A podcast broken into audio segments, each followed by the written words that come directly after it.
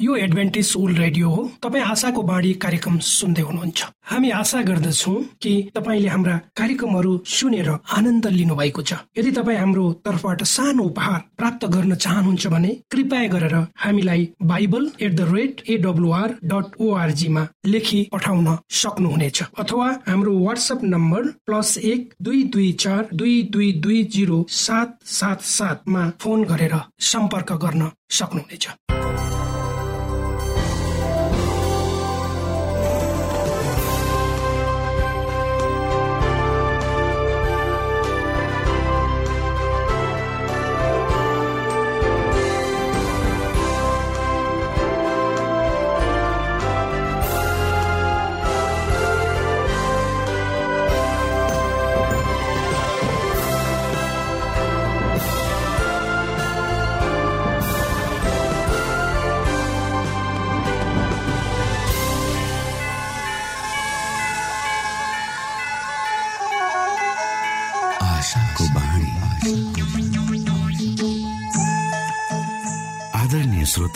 नमस्कार। यो समय तपाईँ एडभेन्टिस्ट ओल्ड रेडियोको प्रस्तुति भोइस अफ होप आशाको बाणी कार्यक्रम सुन्दै हुनुहुन्छ। कार्यक्रम प्रस्तुता म रवि यो समय तपाईँको साथमा छु। आशाका सन्देश सहित प्रेम र विश्वासको सन्देश सहित आशाको बाणी कार्यक्रम रेडियोको तरङ्ग मार्फत तपाईँको सामु आइपुगेको छ। आजको कार्यक्रमले तपाईँको जीवनमा नयाँ सन्देश पुर्याउन सकिएकै होस्। हाम्रो शुभेच्छा तपाईँको निम्ति यही रहनेछ। दैनिक यसलाई सुन्ने गर्नुहोस् र आफूलाई चाहिने प्रकारको आशिष र अगुवाई अवश्य यहाँले लिन सक्नुहुनेछ भनेर हामीले आशा लिएका छौँ। आउनुहोस् आजको कार्यक्रमलाई पनि हामी एउटा मधुर भजन सहित अगाडि बढाउँ।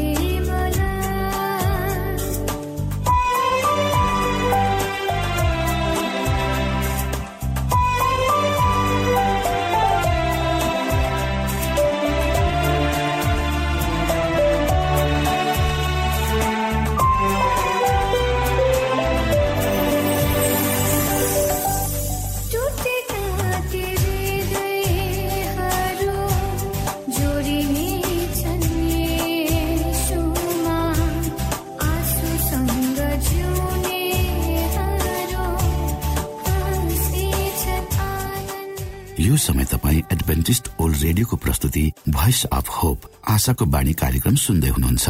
श्रोता मित्र यो समय हामी पास्टर उमेश पोखरेलबाट आजको बाइबल सन्देश सुन्नेछौ।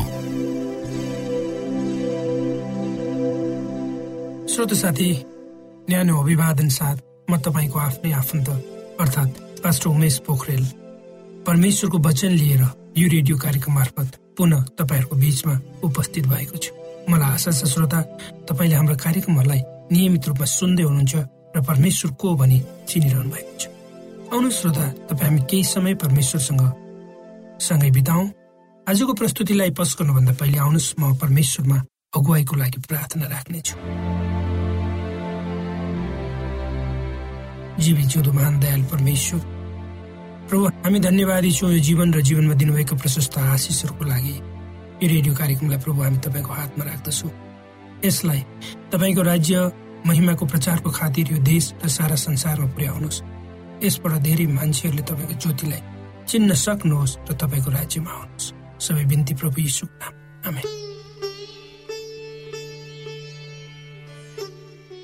श्रोत साथी हामी कसरी भन्न सक्छौँ? कसैको आत्मिकी विषयमा ऊ परिपक्व छ वा छैन भनेर? अथवा कसैको आत्मिकी परिपक्वता कसरी मापन गर्ने वा नाप्ने? लियोनार्डो भन्ने एउटा व्यक्ति भन्छन् आत्मिकी रूपमा परिपक्व भएको व्यक्तिले आफ्नो विषयमा धेरै गम्भीर भएर कुनै कुरालाई लिँदैन। तर आत्मा र दिमागलाई सचेत राख्छ प्रत्येक परिस्थितिहरूलाई गम्भीर रूपमा लिएर त्यसै अनुसार चल्छ।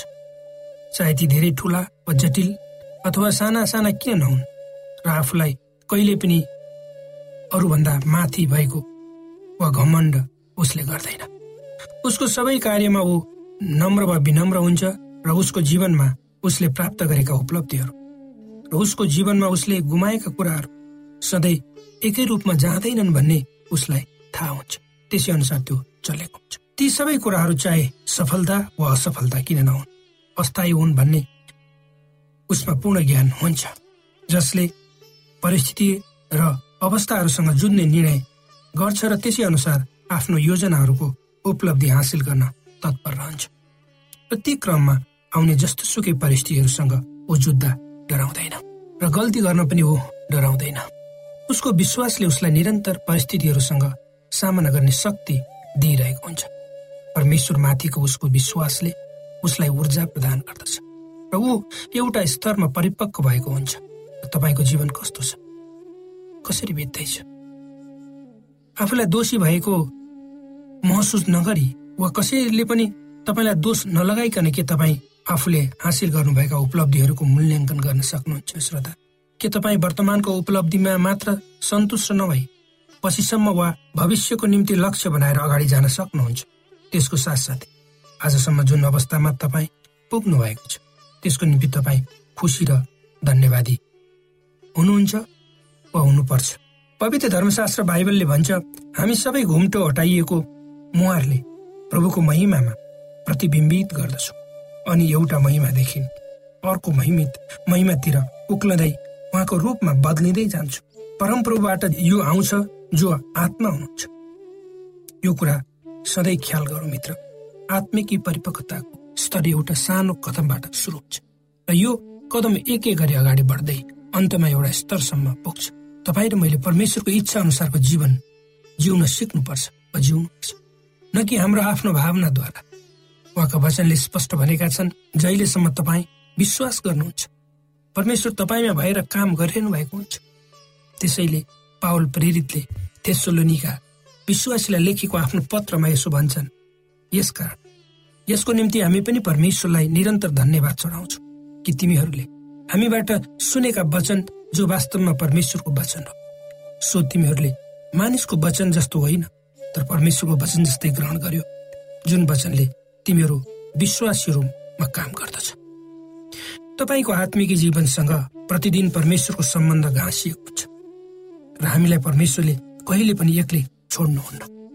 उहाँ हाम्रो आत्मिक जीवनको यात्राको प्रत्येक पाइलामा हामीसँग हुनुहुन्छ। उहाँको आत्माद्वारा उहाँको महिमामा हामी एक एक गरी परिवर्तित हुँदै जान्छौँ। श्रोता साथी जब हामी आत्मिक यात्रामा परमेश्वरसँग निरन्तर बढ्दै जान्छौँ तब हाम्रो विवेक र चेतनासँग परमेश्वरको सम्बन्ध नजिकिँदै जान्छ।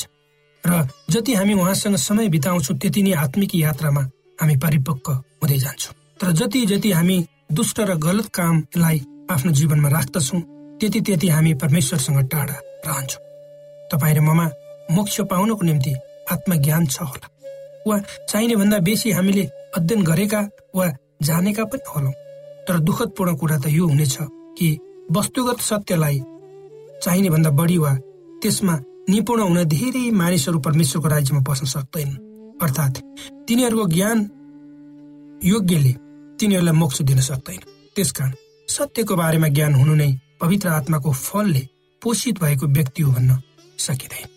तर आफूले पाएको आत्मज्ञानलाई जीवनमा देखाउन सक्नु नि पवित्र आत्माले परिचालित व्यक्ति रहेछ भने देखिन्छ। त्यसकारण प्रवचन दिँदैमा वा धर्मशास्त्रको विषयमा निपुण भयो भन्दैमा कोही पनि मानिस परिपक्व हुँदैन। जबसम्म आफूले गरेको विश्वास अनि ज्ञानलाई मानिसले व्यवहारमा उतार्न सक्दैन। तपाईँ हाम्रो आफ्नै जीवनमा हामीले भोगेका वा अनुभव गरेका कुराहरू छन्।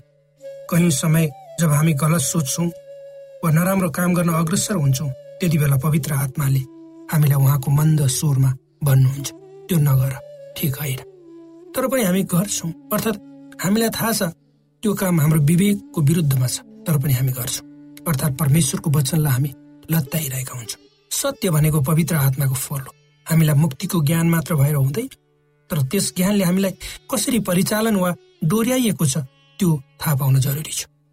परमेश्वरको ज्योतिमा रहनु भनेको आत्मज्ञानमा निपुण हुनु मात्र हो श्रोता। अन्धकारमा छामछुम गरेर हिँड्नु भनेको के रहेछ भनेर पवित्र धर्मशास्त्र बाइबलमा यसरी लेखिएको छ। जसले आफूलाई ज्योतिमा छु भनी भन्छ तर आफ्नो भाइलाई घृणा गर्छ। त्यो अझै पनि अन्धकारमा नै छ। जसले आफ्नो भाइलाई प्रेम गर्छ त्यो ज्योतिमा रहन्छ। र त्यसमा ठक्करको कारण हुँदैन। तर जसले आफ्ना भाइलाई घृणा गर्छ त्यो अन्धकारमा हुन्छ। र अँध्यारोमा हिँड्छ। र त्यो कहाँ गइरहेको छ सो थाहा पाउँदैन। किनभने अन्धकारले त्यसलाई अन्धो पारेको हुन्छ। जीवित रूपमा सत्यमा हिँड्ने व्यक्तिले अरू मानिसहरूलाई आफ्नो काम र व्यवहारले देखाउँछ।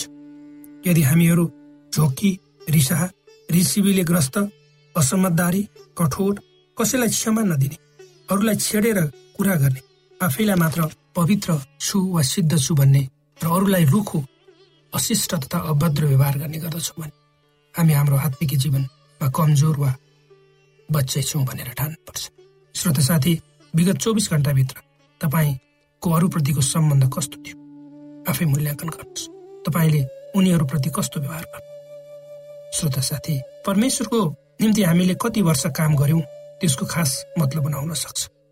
तर हामीले काम गर्दा हामी कति कर्तव्यनिष्ठ भयौँ वा छौँ त्यसले नै हामी त्यसैले नै हामी परमेश्वरमा छौँ कि छैनौँ वा उहाँले हामीलाई स्वीकार गर्नु भएको छ वा छैन भनेर देखाउँछ। हामी आफ्नो आत्मिक यात्रामा आफूले सेवा लिने होइन तर सेवा दिने कार्यमा सहभागी हुनुपर्छ।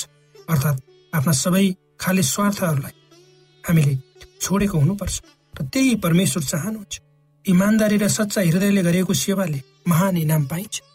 प्रभु येसुले भन्नुभएको छ तिमीले गोप्य रूपमा गरेको कामलाई तिम्रो पिताले देख्नुहुन्छ र त्यसको इनाम उहाँले दिनुहुन्छ। परमेश्वरले यी वचनहरूद्वारा तपाईँहरूलाई आशिष दिउँ।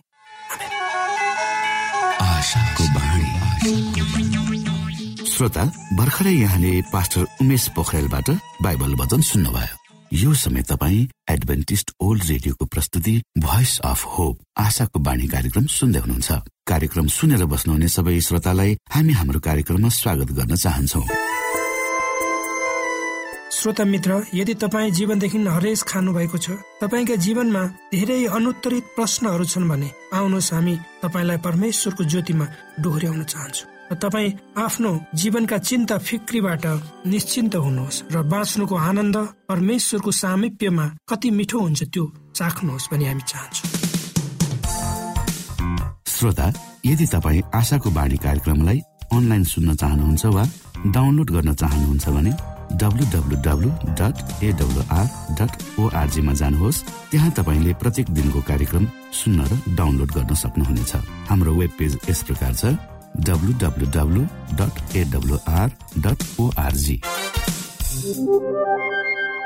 श्रोता यदि तपाईँ हामीसित सिधै फोनमा सम्पर्क गर्न चाहनुहुन्छ भने हाम्रा नम्बरहरू यस प्रकार छन्।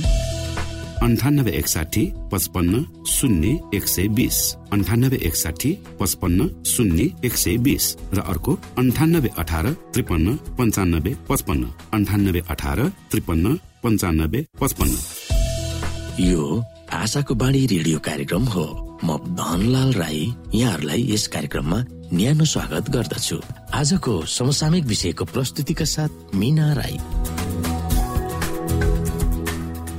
श्रोत साथी उद्देश्य प्रेरित आत्मा परिवर्तित कथाहरूमा आजको कथा नाइकेले सबै थोक छोड्छिन्। होटलको खाना पकाउने। मर्सदिज बेलिज।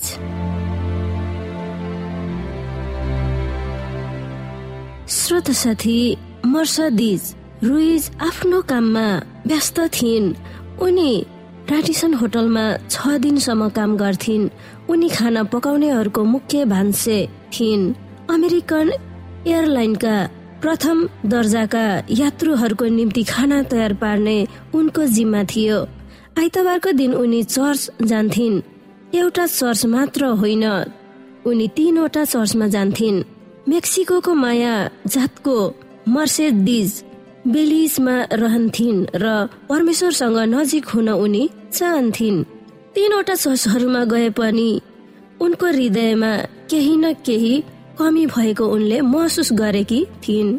उनले बाइबल लिएर पढ्न थालिन् र पढ्ने क्रममा दानियल नौ अध्यायमा आउँदा परमेश्वरको सेवक दानियल उपवास बसेर प्रार्थना गरेको उनले पढिन् हे प्रभु यदि दानियलले गर्न सक्छ भने मलाई पनि त्यस्तै गर्न सहयोग गर्नुहोस्। मर्सदिजले प्रार्थना गरिन्। उनी उपवास बसेर प्रार्थना गरिन्।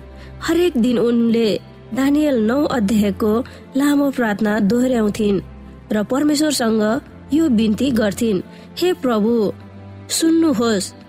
मलाई क्षमा दिनुहोस्। मलाई सुन्नुहोस् र छिटो काम गर्नुहोस् ढिलो नगर्नुहोस्। तपाईँको आफ्नै निम्ति हे मेरा परमेश्वर तपाईँको सहर र तपाईँको नाउँलाई पुकारा गर्नेहरूको निम्ति। एक दिन चर्चमा आराधना सकेपछि बाटोमा केही पर्चाहरू छरिएको मर्सदिजले देखिन्। उनले एउटा टिपिन्। त्यसमा सेभेन डे एडभेन्टिस मानिसहरूले सुसमाचार कार्यक्रम त्यही रातदेखि गरिने घोषणा गरिएको थियो।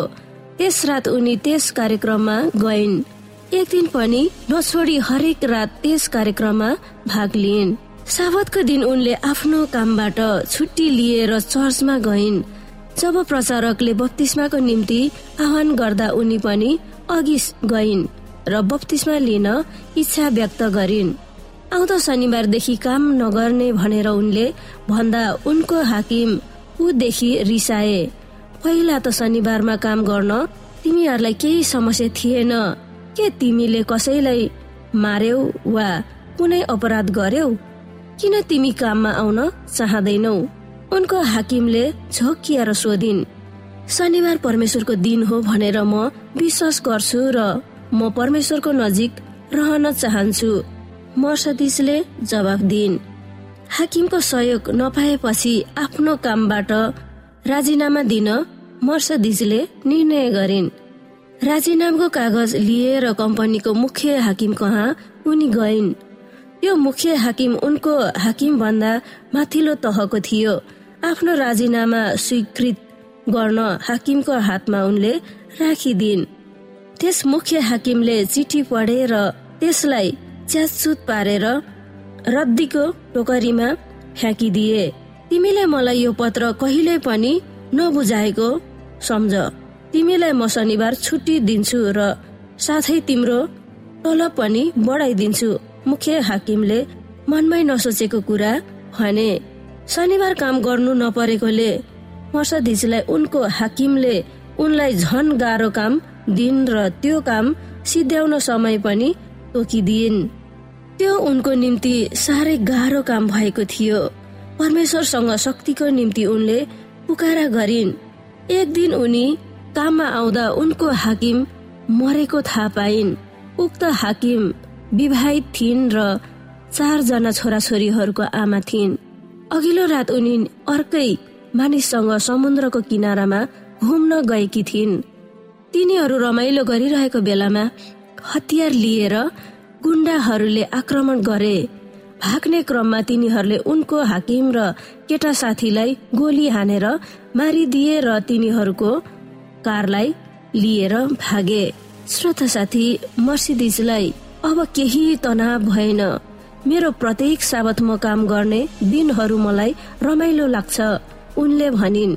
तर त्यो केवल मर्सदिसको कथाको सुरु मात्रै थियो। केही वर्षपछि उनको श्रीमानको मृत्यु भयो र आफू बसेको घरबाट आफ्ना हुर्केका छोराछोरी लिएर अर्कै घरमा बसे। आफ्नो जीवन उनले यसुलाई समर्पण गरिन् र पास्टरसँग बाइबल अध्ययन गर्न अनुरोध गरिन्। शुक्रबारको दिन उनको घरमा आएर बाइबल पढाउँछु भनेर पास्टरले वचन दिए। यदि बाइबल अध्ययन मेरो लागि असल छ भने अरूलाई पनि म सुनाउन चाहन्छु मर्सदिसले सोचिन्। त्यसकारण उनले आफ्ना छिमेकीहरूलाई पनि बाइबल अध्ययनमा सहभागी हुन बोलाइन्। उनको घरको आँगनमा पाल टागिन् र मेन्सहरू राखिन् पास्टरको निम्ति टेबुल राखिन् र अरूहरूको निम्ति मेन्सहरू राखिन्। उनले मिठो खाजाहरू पनि तयार गरिन्। शुक्रबार बेलुका धेरै मानिसहरू आएकोले पास्टरले अचम्म माने। जब त्यस रात बाइबल अध्ययन सकियो अर्को हप्ता पनि बाइबल अध्ययन गर्ने भनेर पास्टरले भने मर्सदिसले त्यो घोषणा अचम्म मानिन् किनकि बाइबल अध्ययन केवल एक शुक्रबारको निम्ति मात्रै थियो भनेर उनले सोचेकी थिइन्। हप्तै पछि धेरै मानिसहरू बाइबल अध्ययन गर्न आए। त्यस सहरमा कुनै एडभेन्टिज चर्च थिएन। उनले आफ्नै घरमा चर्च चलाउन थालिन्। उनको छिमेकीहरू खुसी साथ घरेलु चर्चमा आउँथे। बाइबल अध्ययनको कारणले सोह्रजना मानिसहरूले बत्तिसमा लिए।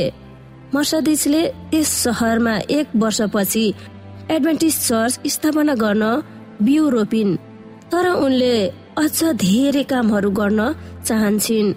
उनी आफ्ना माया जातिहरूलाई सुसमाचार सुनाउन चाहन्थिन्। उनी ग्लोबल मिसन पायोनियर भइन्। ग्लोबल मिसन पायोनियरले जहाँ सुसमाचार पुगेको छैन त्यहाँ सुसमाचार सुनाउन जान्छ। अब मर्सिडिसले बेलिजको राजधानी बेलमोपानमा बढ़िरहेको माया जातिका विश्वासीहरूको अगुवाई गर्छिन्। त्यसरी म सुसमाचार सुनाउने काममा संलग्न भए त्यो काम मलाई मन पर्छ। यो मेरो जीवनको समर्पणता हो र मलाई धेरै खुसी लाग्छ। चौन वर्ष कि मर्सेडिजले भन्छन्।